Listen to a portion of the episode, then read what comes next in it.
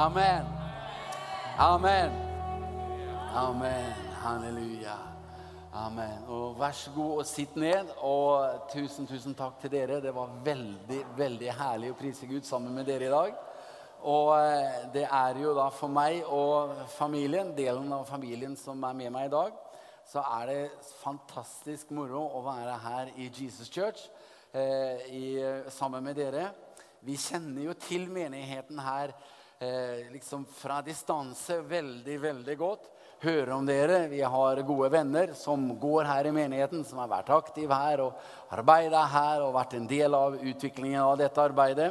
Og ikke minst så kjenner vi jo Anne og Stefan veldig, veldig godt.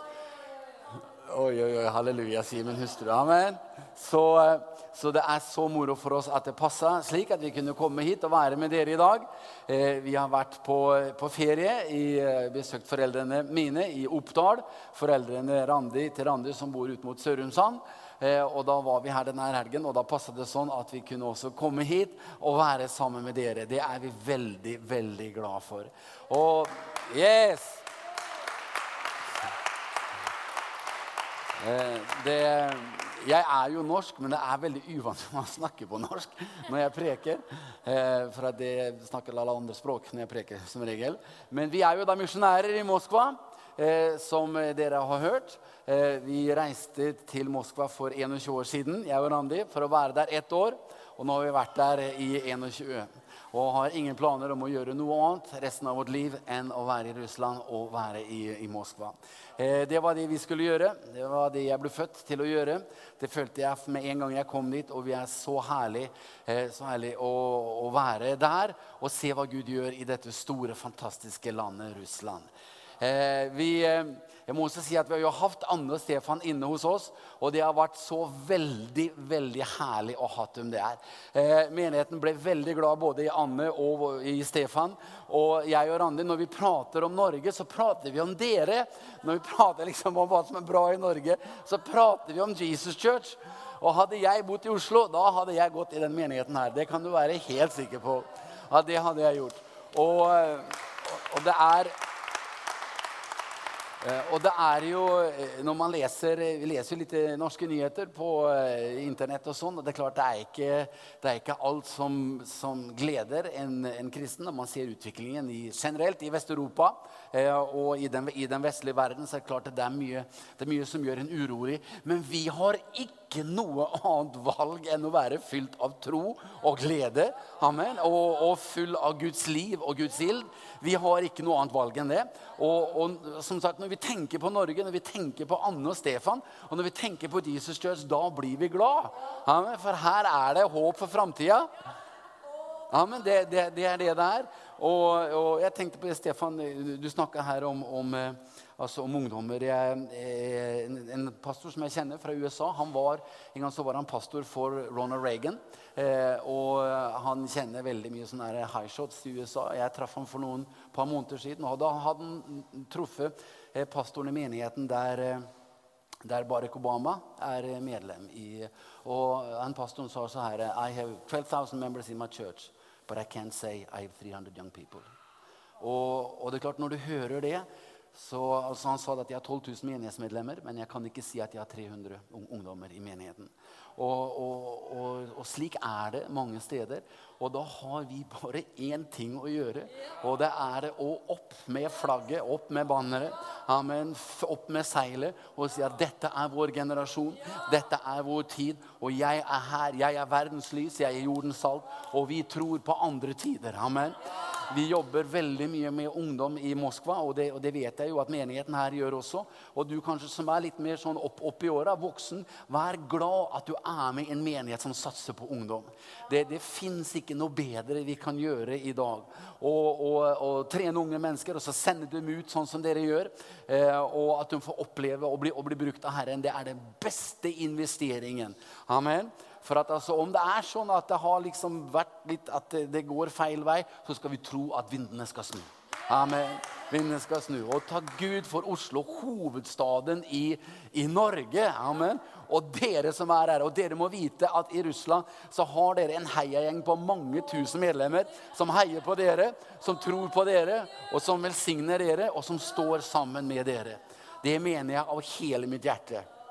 Jeg, jeg, kom hit på, på, motorsykkel. Det gjør jeg hver, hver, sommer. Alle pastorer trenger noe som ikke er nyttig og bare moro. Amen. Kan jeg få en ammen på det? Ja, noen ting. Og, og jeg, er altså, jeg er pastor, men jeg er også hardbarka biker. Og det tar meg fire dager å kjøre hit. Og eh, når jeg kjører, så har jeg sånn Bluetooth-sett i hjelmen. Og vet du hva jeg hører på når jeg kjører? Da hører jeg på deg, Stefan. Men har lenge siden du har gåsehud, så hør Stefan synge 'Navnet Jesus blekner aldri'. Og jeg lover deg, ja, det, det, kommer til å ta tak i hjertet ditt. Jeg vet ikke hvor mange ganger jeg hører om og om og om igjen. For at eh, der har du virkelig en gave, og kjære broder, som velsigner mange, mange, mange mennesker. Ok. Eh, hvor mange av dere har vært i Moskva? Ah, det var noen, ja. Så har du ikke vært i Moskva, så nå har jeg vært hos deg, så nå kommer du til meg. ikke sant? Så vet du det at eh, neste gang eh, neste gang hvor eh, mannen din sier så her at eh, skal vi ikke ta en tur til Kanarøyene, så dunker han og sier sånn, la oss reise, ta en langhelg i Moskva isteden. Eh, det er eh, Moskva er et fantastisk by. Er du litt glad i historie, eh, så er det jo et fantastisk sted å komme til. Og litt glad i andre kulturer. Det er bare to og en halv time fra, fra, fra, Gardermoen, så står vi på flyplassen og vinker når, når, du kommer. Og jeg tror vi har litt bilder her. ja, Vi legger opp det første. Eh, så der har vi jo kirka vår, eh, som ligger i Moskva sentrum, som i seg sjøl er et mirakel. Det er en tidligere kino som vi har kjøpt og, og bygd om. Eh, og eh, se på innsiden der, så der har vi et bilde av hvordan det ser ut inne. Eh, nå er dette, Hvis du ser nøye, så ser du veldig mye eldre mennesker. Det er altså en konsert for krigsveteraner. Der, der. Så, så, men kirkelokalet tar altså jeg må orden på tiden her, da. Kirke, kirkelokalet tar 1200, 1200 seter der. Så, så, jeg preker fire ganger hver helg lørdag kveld og tre ganger søndag. fordi eh, er, Vi får ikke plass til alle på ett møte, så derfor må vi ha, ha, flere møter. Og fra høsten så drar vi i gang et fjerde møte på søndag, så da får jeg fem møter hver, hver helg. Så hvis du ber for oss, så be for meg også. At Gud gir, styrke for det. Eh, ellers så jobber vi, vi jobber veldig mye med eh, nasjonale ministries. Jeg har møter på forskjellige språk. Og vi har også møter på forskjellige campuser rundt om i Moskva. For at Moskva er så stort, så derfor så blir det langt å kjøre. Så vi starter møter på forskjellige steder. Så vi har over 30 gudstjenester hver helg i, i menigheten. Og har da, tror vi har et bilde til av pastorstaben. Har vi det? Ja, der har vi dem, ja. En del av pastor, Vi har 30 pastorer, omtrent litt litt i overkant kanskje, i, i, i, menigheten. Og har et veldig veldig godt team. Er veldig gode venner, jobber veldig tett sammen. Eh, og, og er veldig stolte av alle våre medarbeidere. Så hva er neste bilde? Hva kan det være? Ja, Der har vi fra ungdomskonferansen vår. Vår største konferanse er ungdomskonferansen. Eh, og det er vi veldig veldig, veldig glade for. Vi har veldig mye ungdom i, eh, i, i menigheten. Og, og, og, jobber veldig mye også med å aktivisere ungdommene i ulike ministries. Det her er fra ungdomskonferansen som vi hadde i fjor. Vi leide et stort kongressenter i, i, i, i Moskva. Eh, og så har vi et bilde til, ja, og der har vi familien Ishol. Eh, og som, eh, vi har da fire barn, og to av dem er her. Eh, Anna Ole André, stå, stå opp her. Anna, hun er der.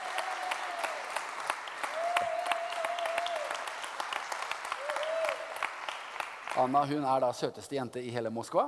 Og Ole André er min unge, energifylte sønn. Eh, som har arvet sin faders energi. vet ikke. Eh, så har vi to barn til. De er allerede der, der inne. Og, og vi, er, vi, er, så takknemlige for Guds veier for oss, at han tok oss inn til, inn til, Russland. Men vi er også veldig veldig opptatt av hva som skjer selvfølgelig her i Norge. Og er så glad at vi kan stå sammen med dere. Amen. Så det var en liten introduksjon. Eh, så eh, når jeg ba til Gud hva jeg skulle dele med dere Nei, det var kjentfolk, ja. Eh, hva jeg skulle, dele med dere i, i dag, så, så stoppa jeg ved at jeg skal, jeg skal fortelle litt, altså dele egentlig litt mitt eget vitnesbyrd. Eh, med dere. Og et, et, ord fra Bibelen som har betydd veldig veldig mye fra meg helt siden jeg var liten gutt. Det er nok ikke noe ord i Bibelen jeg har sitert så mye som det ordet her. Du finner det i 5. Mosebok og det 33. kapittel. Eh, det er når Moses velsigner Israel. Han velsigner de tolv stammene. Eh, og, og, og uttaler forskjellige ting over dem. Og så snakker han i vers 24 og 25 i 5. Mosebok 33 om Asher. Om Asher sa, sa, han, velsignet fremfor sønner være Asher. Må han være den kjæreste blant sine brødre og dyppe sin fot i olje. Din lås skal være av jern og kobber. Og så sier han, som dine dager er, skal din styrke være. Og dette er et av Bibelens mange, mange løfter. Eh, har, og det har fulgt meg hele livet. Eh, jeg siterer det ofte om morgenen. Jeg siterer det i forskjellige situasjoner. Og jeg skal fortelle litt om meg sjøl, og, og, ut også fra dette bibelverset. Som dine dager, så skal din styrke være. Hva, hva, ligger i dette ordet? Jo, I dette ordet så ligger det selvfølgelig at dagene våre er forskjellige. Som dine dager er. Det fins gode dager, og det fins dager som vi ikke skulle ønske at vi hadde. Det fins dager som, eh, som, glir litt av seg sjøl. Det fins dager med mye motstand. Eh, livet inneholder mange forskjellige dager. Men så lover Gud i dette verset at som dagen er, så skal din styrke være. Du skal alltid ha det som matcher det dagen krever av deg. Om dagen blir vanskeligere, så øker Gud styrken i livet ditt. Om dagen er lang, så øker han utholdenheten. Du skal aldri oppleve sier, det, sier dette verset. Du skal aldri oppleve en dag som er for krevende. Du skal alltid ha den nåde, den styrke, den glede, den kraft som dagen krever av deg. Og Når et slikt ord blir, blir levende for deg, så kan det skape en veldig tillit til framtiden. Veldig tillit til det å være en kristen. Når veldig tillit når ting skjer, skjer, rundt omkring deg. At du vet at Gud han vil alltid være der, og han har lovt meg for dette løftet. Det er, det er liksom mitt. Det.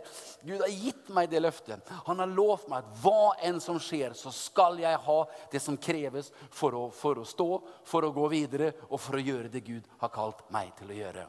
Amen. Det, eh, hvis du, eh, hvis du ser, åpner med meg Hebreerne, det fjerde kapittel så eh, når jeg ble innsatt som om, eh, eh, i, i Oppdal og Da var det eldstebrødre som ba for meg der. Og, eh, og, da var det en bonde. Han, han sa ikke så mye. Eh, som kom opp og, og ba for meg. Stor oppdragsbonde med store hender. Han la hendene på meg, og så ba han, og så begynte han å profetere. Og så sa han så her eh, Så sier Herren Mats Ola, hver gang du går opp for å forkynne mitt ord, skal jeg være med deg. Og det satte seg i mitt ord også. Hver gang. Ikke som oftest. Ikke eh, de fleste gangene. Hver gang skal jeg være med meg. Og, og, og, slik er Gud. Han sier ikke 'som regel'. Nei, det løftene det gjelder alltid. Iblant så kan det virke langt borte, men det er din og min evne til å holde fast i det han har sagt. Han sa hver gang, og da gjelder det i dag også. Og du, Hvis du forkynner Guds ord, så vet du at iblant så er det som hele helvete kommer imot deg og, og prøver å bare trykke deg ned. Men han sa hver gang og hvis det er sant, så er det sant i dag også. Da er du med meg, Herre. Amen. Og Hebreerne, det fjerde kapittel, så står et av de herligste ordene eh, synes jeg, i det, i det, nye testamentet, vers 16. La oss derfor med frimodighet tre fram for nådens trone, for at vi kan få miskunn og finne nåde til hjelp i rette tid. Og Her finner du det ordet 'tid' igjen. At, finnes, at tidene er forskjellige, men det fins alltid nåde for denne dagen. Det fins alltid nåde for denne utfordringen. Og jeg kan alltid komme og be om det jeg trenger for de, de utfordringene som står foran meg i dag. Og derfor så nå er, nå er, det liksom det er i midten av august. Nå drar vi i gang et nytt år i menigheten. Så vil jeg tale dette utover deg når det gjelder dette året også. La oss tro at året blir spesielt. La oss tro at året kommer til å inneholde mye fra Herren, og at Gud skal gi deg også alt det du behøver for det året som ligger foran. Og, eh, i, og For å gjøre dette så levende som jeg kan, så skal jeg bruke en mann i Bibelen som jeg, som jeg preker om mye, og det er, er Elias. Eh, hvis du ser meg i Jakob til femte kapittel, bruker han rett og slett som et eksempel eh, på eh, på noen situasjoner som vi alle kan havne i. I Jakob 5 og 17 så står det så står det om, eh, om, Elias. Det står at Elia, sier vi da, Elia var et menneske under samme kår som vi. Han ba inntrengende om at det ikke måtte regne, og, og i tre år og seks måneder regnet det ikke på jorden. Og han ba igjen, og himmelen ga regn, og jorden bar sin grøde. Og det, det står om Elia det står at han var et menneske under samme kår som vi. Og hvorfor sier Jakob det? Jo, han sier det til deg. For at du, når du leser om Elias, så skal du ikke tro at det var noen spesielle liksom, regler for han. At disse gudsmennene i, li, i livet i Bibelen at Jakob vil bringe dem nærme oss. At vi kan lese om dem og forstå at de hadde dager som jeg hadde. Og hvis Gud var med Elias, så vil han være med meg. Hvis han hørte Elias' bønner, ville han høre mine bønner. Det er derfor Jakob sier at han var et menneske under samme kår som meg. For iblant så kan man liksom distansere seg fra disse heltene. Ja, det høres så veldig veldig ut, og det, og det, var så spesielt. Ja, det var spesielt, og det var veldig. Men sammen Gud er akkurat den samme for Mats Ola i 2017. Amen. Han var et menneske under de samme kår som meg. Og når jeg leser om Elias, så kan jeg kjenne meg igjen i hans liv. Og jeg kan hente næring og styrke og tro fra det jeg leser om ham. Amen. Så nå skal vi gjøre sånn. Nå skal vi gå til tre kapitler i, eh, i, eh, andre, i første kongebok. Kapittel 17, 18 og 19. Og Det som er så spesielt med disse tre kapitlene, alle handler om Elia. Og de er veldig forskjellige.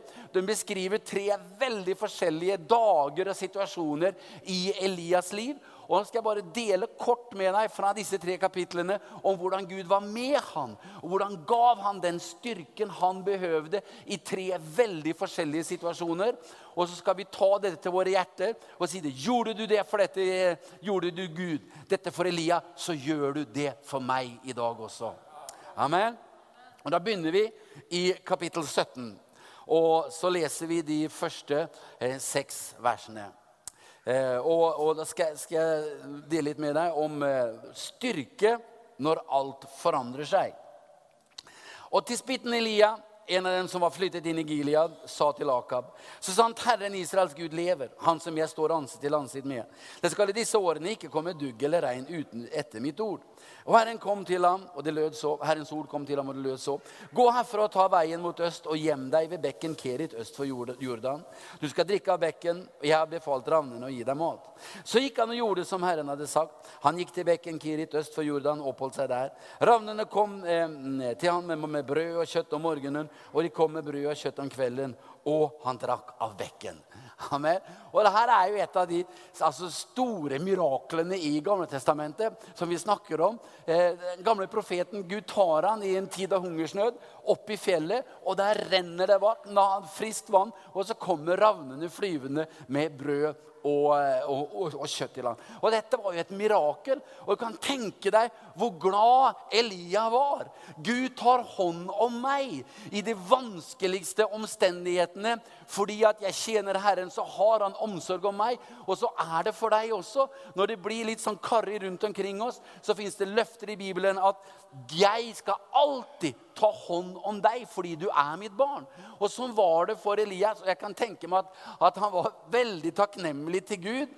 Men så står det så her da i, i vers 7. Men da det var gått en tid, tørket bekken bort. Og hvorfor gjorde den det? Plutselig, så i denne velsignelsen som Elia lever i, så plutselig så tørker bekken bort. Gud var jo med meg. Gud, Gud hjalp meg. Gud gjorde et, et, et mirakel for meg. Og, og, og så plutselig så, så er, det, er, det, ikke noe mer vann. Og forestill deg nå, hvis jeg setter oss inn i det her, hvordan Elia kunne ha tenkt. Altså, ja, nå, nå til slutt har Gud husket mine synder. Nå vet han hvem jeg er. Og, og, og nå, nå, er mirakelet over her. Nå er liksom de, de gode tidene slutt. Vi har gjort et eller annet feil. Det er klart jeg har gjort noe feil. Men Gud, Gud velsigne meg ikke lenger. Nå, nå, nå, tørker bekken ut. Men saken er det var, Elia har ikke gjort noe feil i det hele tatt. Det var ikke noe problem i hans liv. Han har ikke synda. Bibelen taler ingenting. Allikevel så opphører en velsignelse. Og vet du hva, sånn er det i livet også.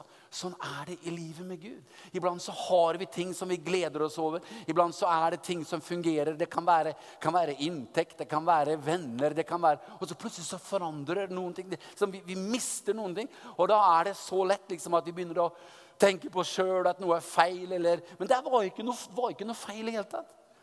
Jeg husker altså, jeg snakka om når vi flyttet til Russland. så det, Før vi reiste dit, så gikk jeg på skole. Jeg studerte i mange år. Mange flere år enn deg, det er jeg helt sikker på. Jeg, jeg gikk på skole til jeg var 29 år gammel. Men jeg husker min, min pappa han sto og snakka med noen venner en gang, jeg sto i nærheten. Så sa han min sønn Mats Ola han er en evig student. Han vil ikke jobbe. det ble bare sånn. Jeg studerte da to forskjellige ja, universitet i Trondheim og noen andre skoler. Og, og sånn. Og, og, jeg hadde jobba ett år da for når jeg var 20 år gammel. ett års pause, Jeg har gått på skole hele tiden. Og hvis du er student, så vet du det at altså, studentens liv er økonomisk en liten utfordring. Er det noen som kjenner til det? Ja. Og, sånn og jeg prøvde jo å skrape sammen. Da. Solgte litt juletrær om, om, eh, om sommeren. Og hogde ved og solgte til andre Nei, hva sa jeg om sommeren? Det, gjorde jeg. Ja. Solgte juletrær i desember. gjorde jeg. Og hogde ved om sommeren. Og, og, og, prøvde liksom å få endene til å møtes. Og, og når jeg da var ferdig, ferdig med, med, alle mine studier og med bibelskole, da var jeg 29 år gammel. Og vet du hva jeg fikk da? Da ble jeg ansatt i menigheten og fikk lønn. Si halleluja. Jeg fikk lønn. Hver måned kom det inn penger på, på, på min konto. Og, og, jeg kjøpte bil, jeg gifta meg, jeg bygde hus. Jeg var storkar i Oppdal. Altså det, var, det var fantastisk, og det varte i åtte år. Og så en morgen i 1996 så, så, så talte Gud til oss, og så sa han dere skal flytte til, til Russland. Og, og jeg forsto med en gang at om vi gjorde det, så var det goodbye til lønn. Ingen kom til å betale meg, eller Menigheten i Russland kom ikke til å betale meg. Og Livets Ord, som sendte oss dit, kommer, kommer ikke til å betale meg. Og, og, og, da kan du tenke sånn Men Gud, hva har jeg gjort? Hvorfor? Hvorfor meg? Her har jeg levd liksom i, i Gosen i åtte år, og, og, og, og så mister jeg Og slik ble det. Vi, vi, reiste til Russland. I de første årene var det ingen som betalte oss lønn. Vi, vi levde bare fra, fra det mennesker eh, ga, gav oss. Men vet du hva? Vi mangla aldri noen ting. Mangla aldri noen ting. Og det steget var begynnelsen på alt det som, som vi står i i dag, og det som var Guds fulle vilje for mitt liv. Og, og, det som er mange ganger, det er at når noen ting opphører livet, når det ser ut som noen, noen, noen ting tørker ut, så, så, gå til Gud. For om det er sånn at én bekk tørker ut, så har Gud noe annet i stedet. Og det som skjedde i denne historien, da, det står at, at så tørket bekken ut, der da, at Hvis du kjenner Bibelen godt, så leder Gud Elia ned til Sarepta. Og der er det en enke som holder på å sulte i hjel. Og Elia treffer henne, og Gud gjør et mirakel i hennes hus. Et, eh, en, en boks som aldri blir tom for, for, mel, og en krukke som aldri blir tom for olje. Og det, det, det mirakelet som nå tar hånd om Elia, er større enn det som var ved bekken Kerit. For nå føder Gud ikke bare Elia. Nå føder han denne enken og hennes sønn og sikkert andre mennesker rundt omkring i denne byen også. Og når denne bekken tørket ut, det som egentlig skjedde da, det var at et større mirakel som ventet på Elia et annet sted. Og slik tror jeg Gud vil at, at vi skal tenke. Som dine dager er, så er din styrke også. At om Guds hånd er over livet mitt, om det er sånn at jeg mister jobben min, om det er sånn at kanskje noe går i stykker rundt omkring meg, kanskje noe som skjer med, med vennene mine, eller sånn, så Gud, da har du noe bedre for meg. Da venner jeg meg til deg, da, og, og da forventer jeg at Gud, at du leder meg videre inn i noe som er bedre. For slik det er, er med Gud noen ganger, at, at han, han, tar ofte bort noe før han gir oss det nye. Det er ikke sånn liksom, ingen fare, Matsola, du gir slipp på dette, men jeg, har, men jeg har dette i stedet. Nei, du følger Gud noen gang i blinde. Du går dit han leder deg, uten å se og vite hvilke velsignelser som er der. Men han er trofast, og han vil at vi skal leve og vite det at om han har lovt å være med oss, så er han med oss også. Og det fins sikkert noen her som er i en lignende situasjon. At noe, noe, du har mista noen ting. Kanskje noen, noen velsignelser som var veldig, veldig viktig for deg, har, har opphørt. Så har Gud noe bedre for deg. Stå, bli, La oss ikke bli stående og tenke på det. Og Enkelte ganger så tror jeg, tror jeg kanskje at det er sånn også at Gud tar noe fra oss iblant for å se hvordan vi, hvordan vi reagerer. Se, få oss til å løpe til Han igjen. Få oss til å forstå at du og bare du, Gud, du er, du er, du er kilden i livet mitt. Deg og bare deg er alt det jeg trenger. Jeg har gått gjennom mange sånne situasjoner i livet, og jeg har funnet at eh, han er trofast. Amen. At, han, at når noe opphører, ok, da er det slutt med det, men da har Gud du noe bedre for meg. Sånn var det for Elia. Han gikk fra ett mirakel til et annet når bekken Kerit tørka opp. Amen. Og så om, du, eh, om, vi flytter oss nå til det 18. kapitlet, som, eh, som, jo er et av de mest berømte kapitlene i hele Det, det gamle testamentet. Når eh, Elia konfronterer eh, Akab og Balsprofetene på berget, berget Karmel. Og historien, bakhistorien er jo slik da, at Elia han han var kalt av Gud til å vende folket tilbake til Herren. For, hele landet hadde forfalt avgudsdyrkelse eh, til Baal. Og Elias' kall var da å vende hjertene tilbake til, til Gud. Og kongen heter Akab. Han var veldig veldig ugudelig. Kjerringa heter yes, Hva heter hun på norsk? Jesabel heter, heter hun, var, hun var enda verre. De var avgudsdyrkelse, troll, trollmenn. Og, og, de hadde ledet hele folket i, i den retningen. Og, og da får Elia får han fra Herren at han skal gjøre det sånn. Han snakker med Akab og ber han å samle hele folket på, på berget Karmel for å ha en konfrontasjon der. Og, og da står det så her i vers, i vers 20, det 18. kapitlet. Så sendte Aka bud omkring blant alle Israels barn, og han samlet profetene på Karmelfjellet. Da trådde Elia fram for alt folket og sa, hvor lenge vil dere halte til begge sider? Dersom Herren er Gud, så følg ham, og dersom Baal er det, så følg ham. Men folket svarte ham ikke et ord. Eh, og Elias sa til folket, jeg er den eneste som er profeter, av Herrens profeter som er blitt tilbake, mens Bals profeter er 450 mann. La oss nå få to okser, la, dem, la så dem velge seg den ene oksen og hogge den i stykker og legge den på veden, men de skal ikke tenne ild på. Så vil jeg stelle til den andre oksen og legge den på veden, men jeg vil ikke tenne ild på den. Så kan dere påkalle deres Guds navn, og jeg vil påkalle Herrens navn, og la det da være slik at den Gud som svarer med ild, han er Gud. Ok, og Elia han risikerer alt på ett kort her. Og, og, La oss nå leve oss litt inn i denne situasjonen. Eh, flytte oss noen eh, århundrer, årtusener tilbake i historien når Elia er der. Og, og, Da er det sånn altså at kongen og hele folket de er avgudsdyrkere. De ber til Baal. Og det er 450 av Baals profeter oppå det fjellet. Og Elia er helt alene. Og så sier han da at de skal bygge to altere, og så slakter vi to okser, og vi legger dem på alterne. Og så ber dere, og så ber jeg, om at Gud skal tenne ild på offeret. Og den Gud som svarer med ild, han er Gud. Og alt folket sa det er greit, den er, den er vi med på. Og så, og så sier da Bals her altså, la, la, la Bals-profetene begynne. Og så begynner de å be.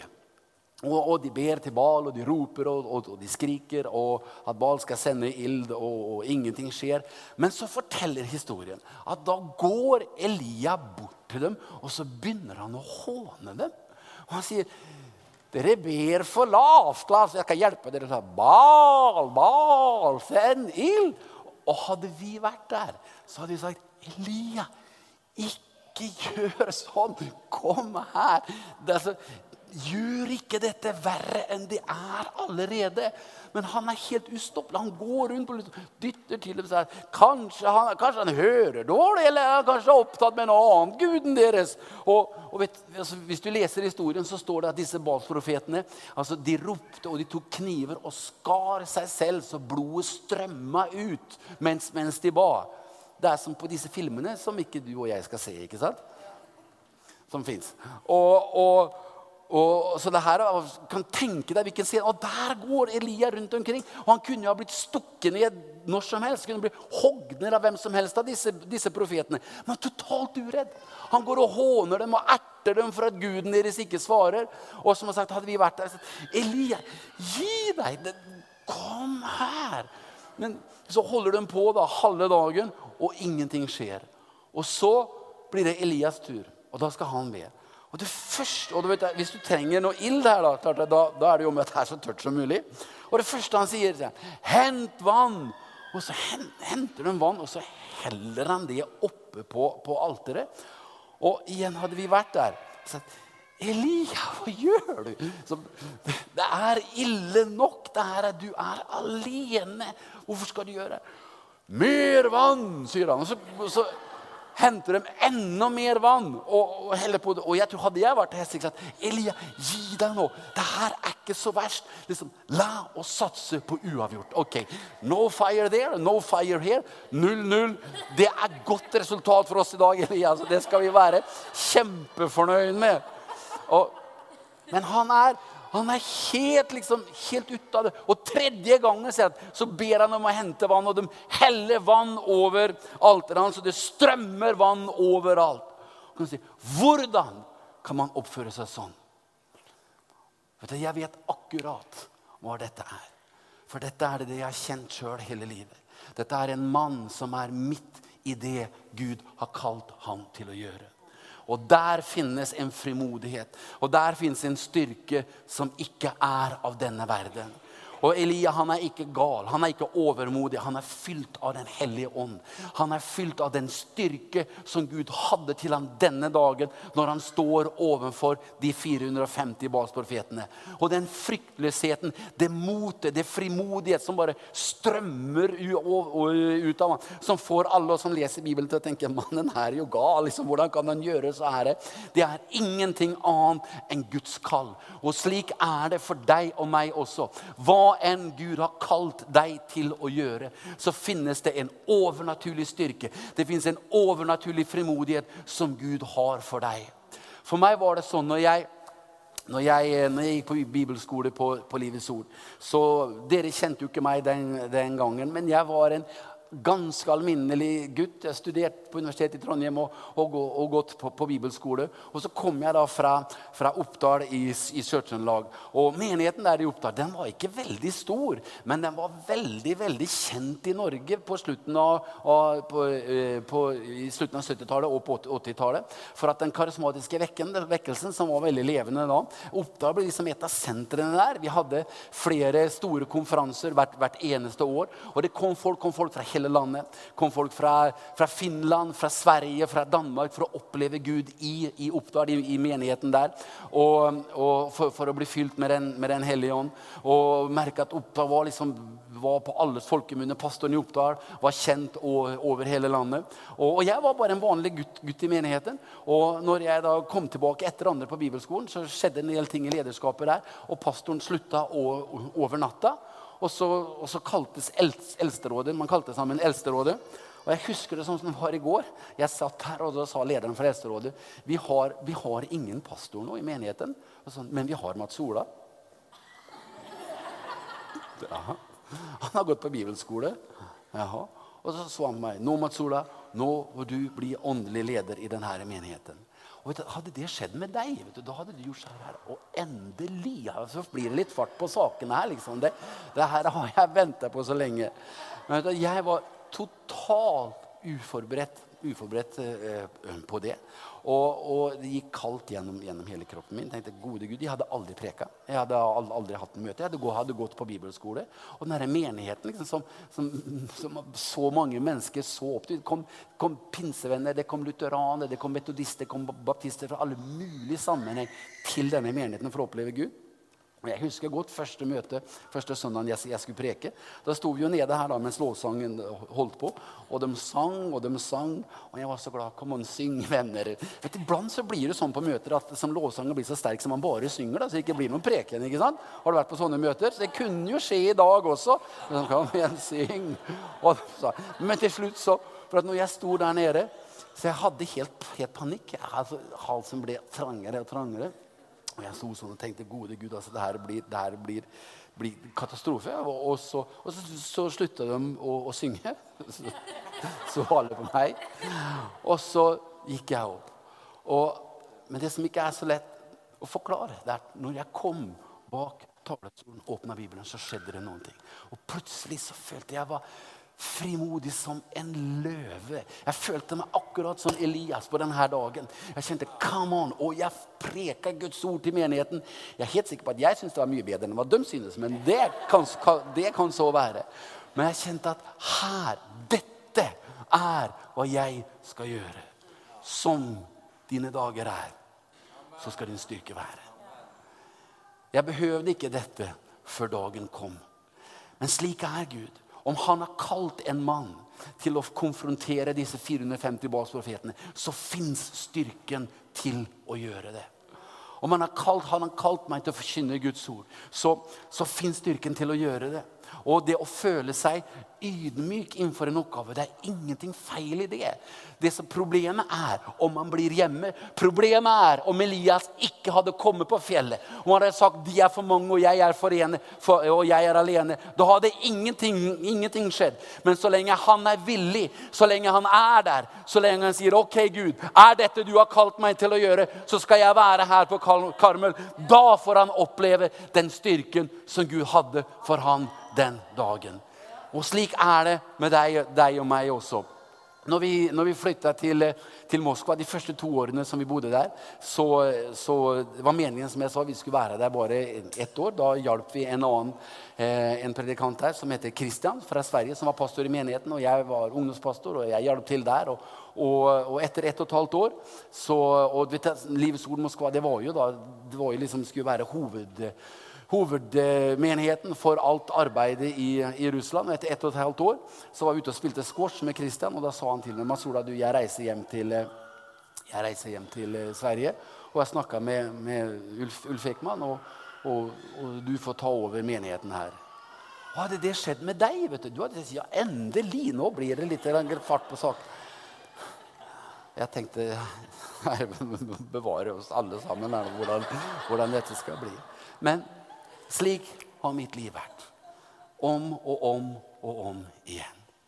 Du Vet at Oppgaven er alltid større enn deg. Utfordringen er alltid større enn hva du hadde tenkt. Når Gud kaller, så, så kaller han oss til å gjøre det som virker liksom stort og litt sånn litt skremmende, kanskje. Men slik er Herren. Han vil at vi skal være små i oss sjøl og sterke og sterke i Han. Og, og, Det Elias opplevde denne dagen når han, når han, var på Karmel, det er det som Gud vil at vi alle sammen skal oppleve. Du kan være forretningsmann, du kanskje, kan være lærer, du er kanskje hjemme og oppdra, oppdra barna dine. Eh, du er kanskje ung og, og studerer og reiser, reiser, på tid. Jeg vet ikke hva du gjør, men sånn dine dager er, så skal din styrke være. Og Iblant så er det sånn for oss alle sammen at plutselig så står Gud foran oss og kaller oss å gjøre noen ting. Plutselig så er det en utfordring der som ikke har, har vært der før. Og vi kjenner at dette Gud, dette, dette er mer enn, enn, hva jeg vil. Dette er mer enn hva jeg kan. Og det er ingen, til ingen problem å innrømme det. Men problemet er om jeg tar et skritt tilbake om jeg unngår å være der han vil at jeg skal, jeg skal, være, får jeg aldri oppleve hva Gud kunne ha gjort med meg. Amen. Og, og jeg tror det. Når jeg var ute og ba, ba for dere i dag, dag, tidlig, så tror jeg det fins mennesker her i dag, og Gud kommer til å utfordre deg i løpet av det året her.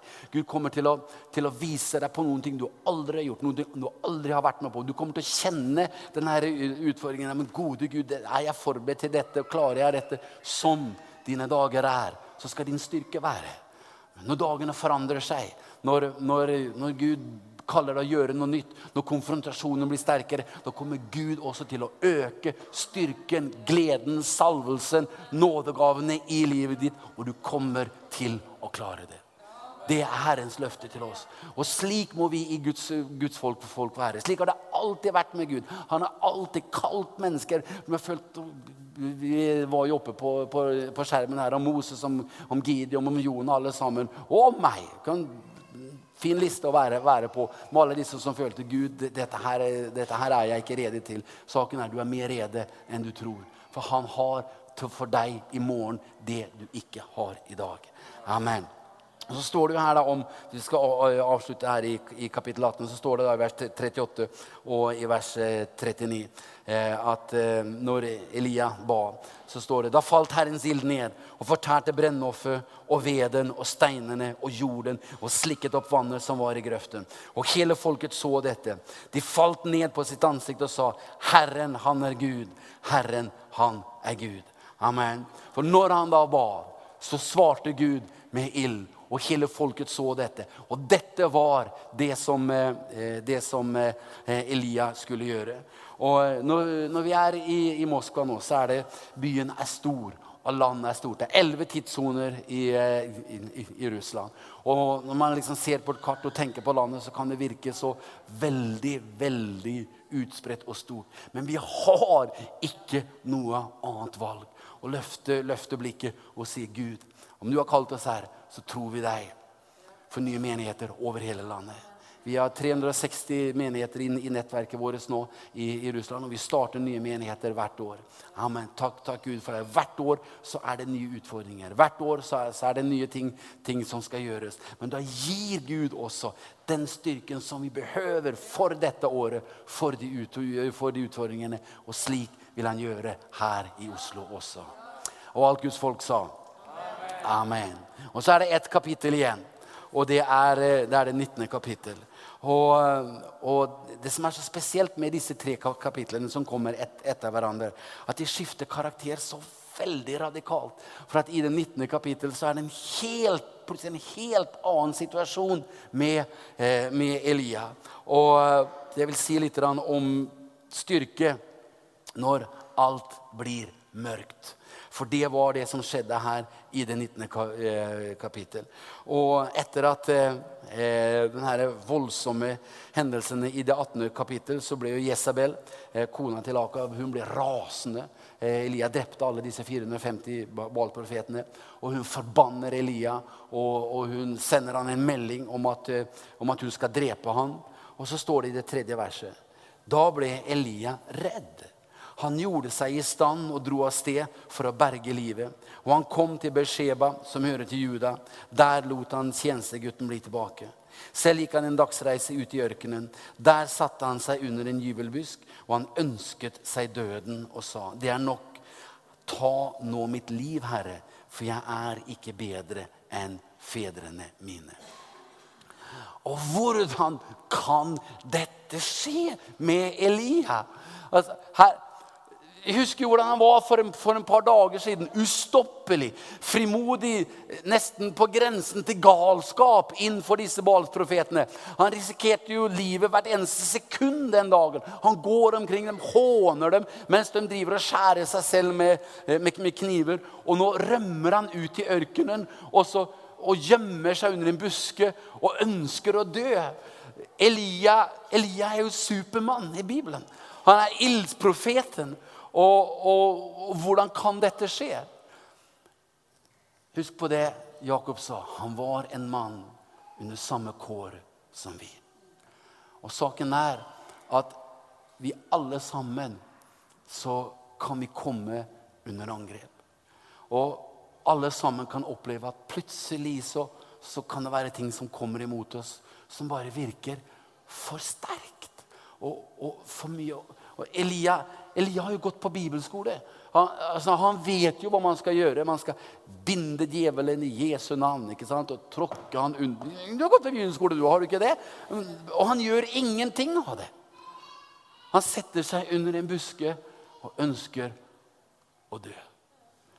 Han er ikke så sterk som han ønska at han skulle være.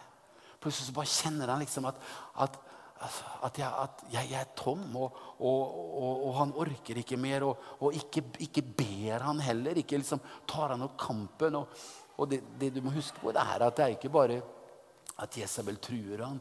Altså, hun var en heks. Her er det også åndelige krefter. Det er forbannelser som kastes mot eh, mot Elia i denne situasjonen for å, å tilintetgjøre ham, for å få ham til å dø under den busken der. Og vet du hva? Det er også en del av min, av min historie. Det er en del av, av mitt liv. At eh, det skulle være dager jeg skulle ønske at jeg var sterkere enn det jeg var.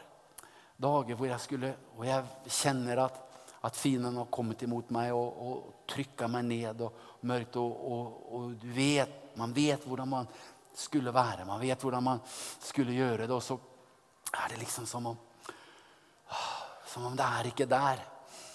For, for, meg personlig så var det en, en, kjempekamp alle disse årene vi lette etter en, en kirke eh, i Moskva. Vi, eh, vi hadde Menigheten var et desperat behov av å ha et, et, eget lokale. Vi vokste, og vi ble 1500, 2000 og måtte hele tiden leie lokaler. Og kunne ikke leie det samme stedet hele tiden. Så vi var En helg var vi der, og neste helg var vi der. Og så fikk, måtte vi ha flere møter, så vi fikk dele. Så vi var en morgen der, og så var vi på morgenen hadde vi møte der. På ettermiddagen hadde vi møte der, og på kvelden hadde vi møte der. Og neste helg så kunne vi ikke være der, så hadde vi to møter der, og så ett møte der. Og så neste helg så hadde vi morgenmøte der. Og du, når du har en par tusen personer, så folk fant oss ikke. Liksom, hvor er menigheten? Og, og, og, jeg kjente ansvaret som, som, pastor. Og så fant vi da denne kirka eh, som, du, som, du, så, så bildet av. Og jeg bare visste her er det. her er det. Og da var, da var den til salgs. Og da var det, når vi fant den, da var det en kjøper som hadde lagt inn et, et bud på kirka. Og de hadde noen dager til å, til å betale inn eh, et forskudd, og da var handelen i, i, boks. Og som vi ba disse dagene, ba om at de ikke skulle kjøpe at lokalet ikke skulle, skulle, bli solgt. Og, eh, og, så husker jeg var på kontoret når vi tok telefonen da, til mekleren og fortalte at de hadde betalt inn, og at, eh, og at lokalet var solgt. Og, og da, jeg husker da, da ba jeg alle å gå ut av kontoret. alle medlemmene som var med, Så låste jeg døra. Og så la jeg meg på gulvet og gråt som jeg aldri har gjort. Jeg gråt og jeg gråt og jeg gråt. Og jeg tenkte Gud, hvordan, hvordan kunne dette skje? Men der og da så bestemte jeg meg det. Altså at jeg, jeg åpner ikke denne døra før jeg er igjennom. Som dine dager er, så skal din styrke være. Fordi det som er så spesielt med denne historien, er at når Elia ikke går til Gud, så kommer Gud til han. For det står her i, i, i, i neste vers Det står at han la seg ned og, eh, og, og, og ville dø. I vers 5 han la seg ned og sovnet under gyvelbusken. Da rørte en engel ved ham og sa, 'Stå opp og et'. Og da han så opp, fikk han se at til hodet hans lå det en kake stekt på hete steiner, og det sto en krukke med vann, og han åt og, og, han åt, åt og drakk. Altså, Da kommer Gud til Elia. Når han selv var så tom at han ikke engang gjorde det han skulle gjøre, så er Gud der og sier Elia, det skal ikke slutte her under busken. Dette er ikke, dette er ikke slutten. Og selvfølgelig så det, var det et valg der som Elia måtte ta. Men Gud kommer til ham med vann og brød. Ånden og ordet kommer han til Elia for å reise, reise han opp igjen. Og, og, For meg var det sånn det, altså den, den, denne dagen at jeg lå der og Jeg vet ikke hvor lenge jeg lå der og ba og ba. og ba, Men så kjente jeg det, så kom, kom det et ord til meg om, om Lasarus som døde, men som sto opp igjen fra de døde. Amen. Og, og, så Lasarus sto, han sto opp igjen, og så begynte vi, og så gikk det, gikk det no, no, noen måneder. Og så kom denne bygningen tilbake på markedet igjen. Og da, og da kjøpte vi den. Amen. Og, så det fins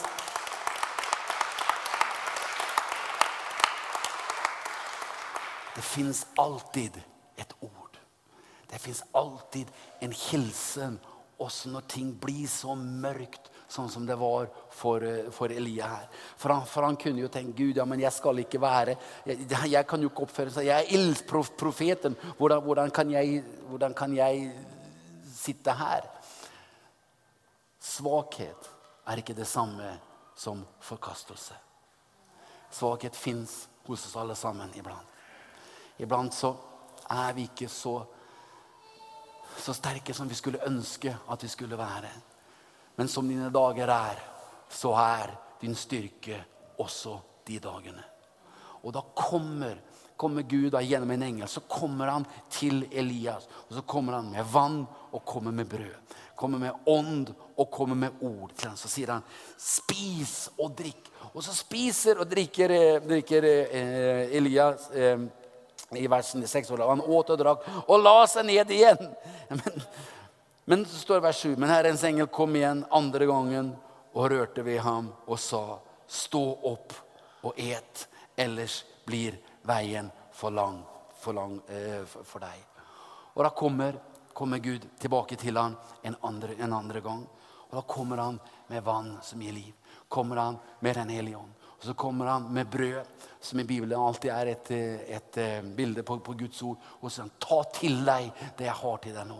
Her har jeg et ord til, til deg, jeg Ta det til deg, og det kommer til å gi deg styrke. For det skal ikke slutte på denne måten. Jesabel får ikke siste ordet når det, når det gjelder ditt liv. Den dagen kommer når du skal gå hjem, men da skal du ikke være under en busk her. Da skal du gå hjem i en ildvogn i seier etter du har gjort alt det Gud har kalt deg til å gjøre her, eh, her, her i verden.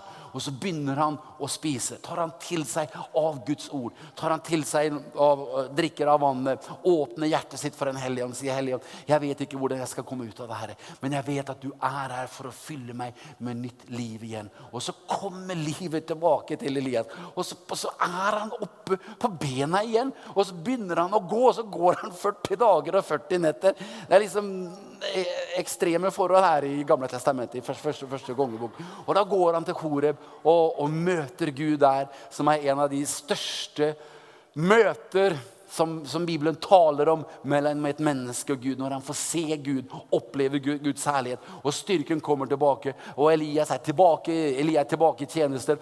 Han gjør det, det, han skal gjøre. Han fortsetter å profetere, fortsetter å salve, fortsetter å, å, forkynne. Og når han da langt senere er klar til å gå hjem, da går han hjem i en ildvogn i seier. Amen. Det er også historien om Elia. Som dine dager er, så skal din styrke være. Og det har vært dager i mitt liv når, når det, det, har vært det jeg har klamra meg til. Det har vært ord som dette som, som, som jeg har, holdt i, og det har liksom vært, vært det eneste. Men, men det holder. Fordi han vet, han vet om at iblant liksom, hvordan det er å bli tom. Han vet om hvordan det er å bli skuffa. Men så vet han også hvordan det er å bli fylt igjen og komme tilbake og være den vi, eh, vi skal være. Jeg husker en, eh, en av de, de, første året tror jeg, som, jeg var, som jeg var pastor, hadde ansvaret for menigheten der inne i, i Uppsala. I Moskva. Og, og Da satt jeg hjemme en lørdag og var bare allment deppa. Og, og tungt og trist. Jeg tenkte, gode Gud, Hvordan skal jeg klare dette? Hvordan skal jeg klare dette, dette, store arbeidet? Og så tenkte jeg jeg må gjøre noe. Jeg må sette på, sette på en preken. Og det var den tiden da vi hadde sånne VHS-kassetter. Er det noen som husker dem? Ja, det, ja, ja, Med prekener, da. Så jeg hadde et lite bibliotek der, så jeg gikk dit og så begynte jeg å lete etter en, en preken. Og, og, og, så tenkte jeg finne noe om Gideon, et eller annet om, om gjennombrudd og seier. Og så var det en det sto sånn 'Misjon' med Ulf Ekman. Nei, ikke den. Og så kjente jeg en sa ta, ta den kassetten. Nei, jeg vil ikke høre om misjon. Jeg vil høre om seier. liksom om, om du, er, du er underbar. Det kunne være en bra tittel her nå. Og og så, men så tenkte jeg, ta den. Jeg vil ikke ta den. Jeg vil ikke høre om misjoner. Jeg er fedd opp med det her misjonen. Og så, og så kjente jeg, nei, ta den kassetten.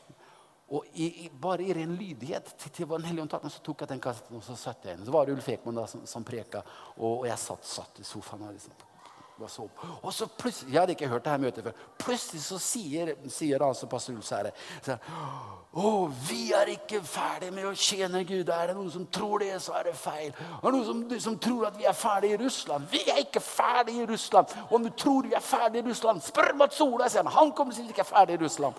Og jeg bare opp av sofaen, rett opp i taket. Spør meg! Spør meg om vi er ferdig i Russland! Vi er ikke ferdig i Russland. Og Jesabel var gone forever. I hvert fall for den dagen. Totalt. Og jeg kjente meg Wow, Gud. Vi er ikke ferdig. Det fins et ord fra Det fins en hilsen fra Herren. Det er ikke ferdig. Det skal ikke slutte på denne måten. Det skal ikke gjøre det. Selv den dagen det er så mørkt at kanskje du har sagt akkurat det som Elias sa også. Herre, ta mitt liv. Til og med da så fins det et ord. Det fins en krukke med vann. Det fins en hellig ånd der. For så plutselig så ble alt annerledes. Jesabel, skal hun stoppe meg? Det gjorde hun jo ikke. Jesabel ble spist opp av hunder, og Elia reiste hjem i en ildvogn. Ildhester. Amen. Som dine dager er, så skal din styrke være. Han har styrke for den tyngste dagen i ditt liv. Han har styrke for det tetteste mørket i ditt liv. Han har styrke for de største utfordringene i ditt liv. Når du føler wow, skal jeg gjøre det her? Han har styrke når ting forandrer seg. Noe, når, når, livet blir annerledes, noe opphører. Ting, ting, skjer rundt omkring deg, og lurer hvordan skal det gå i nye omstendighetene. Han har styrke for hver dag. Det er hans løfte. Og er, her er vi, du, du og jeg i denne verden, med alt det som, som, skjer rundt omkring oss. Men vi har ankeret, vi har Herrens hjelp. Og han har sagt innenfor dette året som, som begynner nå også Vi vet ikke hva, hva dette året kommer til, bli, eh, kommer til, å gi, men vi vet én ting. At han kommer til å være med oss. Og han kommer til å ha alt det vi trenger for å fortsette framover. For å konfrontere fienden, for å ta nye initiativ, for å gjøre det vi aldri har gjort før. For å overvinne om ting blir vanskelig. Og alt Guds folk sa. Amen. Skal vi Herren et klapp for? Amen. Skal vi... Skal vi reise oss opp? Skal vi reise oss opp? Alle sammen. Kan vi få lovsangstime til å komme opp, komme opp her? Halleluja. Skal vi ta og, og eh, be litt sammen bare noen minutter før jeg overgir ordet igjen til pastor Stefan? Halleluja. La oss bare vende hjertene våre til Herren. Herre, vi takker og lover deg, Gud, for denne søndagen. Og vi takker deg, Gud, at, at, du er klippen. Du er den som lovte å alltid være med oss, Herre. Takk, Gud, at når ting forandrer seg, far, når, når nye utfordringer kommer, så er du der. Og du har all den styrke som vi trenger. Takker deg, Gud, for at du er her denne søndag formiddagen også. For å lege, Herre. For å styrke, for å løfte. Og det fins noen her jeg tror du sitter på min, på min høyre side her en sted. Og du har sagt de ordene. Du har sagt akkurat det samme som Elias sa. Herre, ta mitt liv. Og Gud sier til deg, det skal ikke slutte på denne måten. På samme måte som mørket kom, skal mørket gå. Amen. Og ting kommer til, til, til å bli lyst igjen. Løft øynene til meg, sier Herren, og du skal få se at jeg kan sette deg fri. Og det fins en ny begynnelse, det fins et nytt liv for deg. I Jesu navn. Halleluja.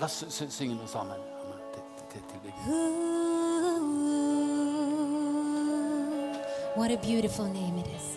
What a beautiful name it is. What a beautiful name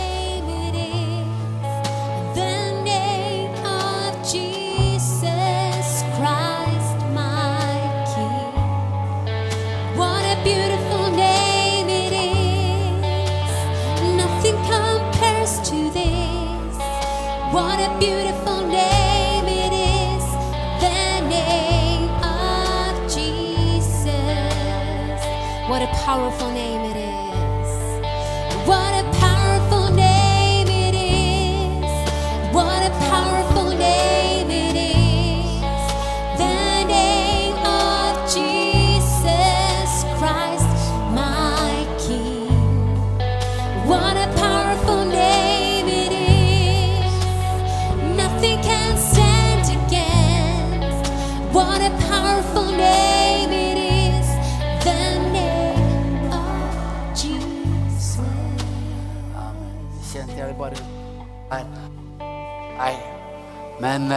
det jeg har delt i dag, det er selvfølgelig Guds ord til oss alle sammen. Vi kan, vi kan bruke det på alle mulige områder av livet. Men jeg vil bare stille deg disse tre spørsmålene, de tingene som vi leser om Elias før vi ber. Kanskje det er sånn som det var i det 17. kapitlet, at plutselig noe forandrer seg. Bekken tørka ut, og det fins ingen årsak til at den skulle tørke ut. Hvorfor ble det sånn? Hvorfor skjedde dette? Kanskje det er sånn i livet ditt. Da vil jeg si til deg Gud har noe bedre. Når noe opphører, fins det noe annet. For han har ikke forlatt deg. Han har ikke forlatt deg. Iblant er livet slik. Og det bare fører oss tilbake til Gud for å søke Han, finne tillit til Han og vite det at Han tar hånd om meg. Eller kanskje det er sånn at du står innenfor nye utfordringer. Du kjenner åh, dette skulle jeg ville gjøre. Noe som brenner hjertet ditt, men du vet ikke om du klarer, du vet ikke om du kan. Bare vit det. Som dine dager er, så skal din styrke være. Du har ikke styrken før du behøver den, men den er der når du, når du går opp på fjellet, når du tar utfordringen. Da kommer også den styrke, visdom, glede, kraft, salvelse som du behøver for å gjøre det. Jeg vil bare oppmuntre deg. Du må selvfølgelig prate med ledere, men nå begynner et nytt år. Våg for Herren. Våg å gå. Våg å gjøre det han legger i ditt hjerte. Og du skal få se at Han gir deg også det du behøver. Eller kanskje det er sånn at noen ting er veldig, veldig tungt akkurat nå. Da er han der også nå, akkurat, for å hjelpe deg, for å styrke deg, for å ta deg gjennom. Det skal ikke slutte på denne måten. I Jesu navn. Amen. Amen. Ta og Legg hjertet ditt på hånda på hjertet ditt. Nei, jeg mener hånda på hjertet ditt. Amen. Så ber vi. Halleluja. Takker deg, Herre, for alle som er her. Takker deg, Far, for din nåde nå. For vann og brød, Herre. For ånd og ord, Herre. For en hellige Hans liv, Far, over oss alle sammen. Å, som strømmer gjennom oss. Takk, Herre, for ditt ord. Ord som setter fri. Ord som baner vei. Takk, Herre Gud, for å løfte blikket og se framover. Takk for styrke, takk for mot i deg, Far. Og i Jesu navn så binder jeg mørke og håpløshet i dens liv som har kjempa med det. I Jesu navn så binder jeg det. Du får ikke siste ordet. Nei!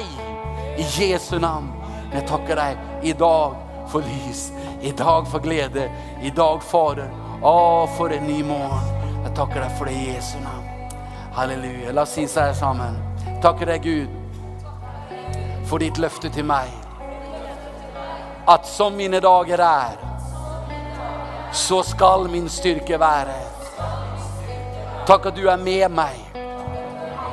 Nå i dag, i morgen og hele livet. Takk at jeg alltid kan ha det jeg behøver for alle utfordringer. For å fullføre alt du har kalt meg å gjøre. Herren er min hyrde. Det mangler meg ingenting. I Jesu navn. Amen. Amen. Amen.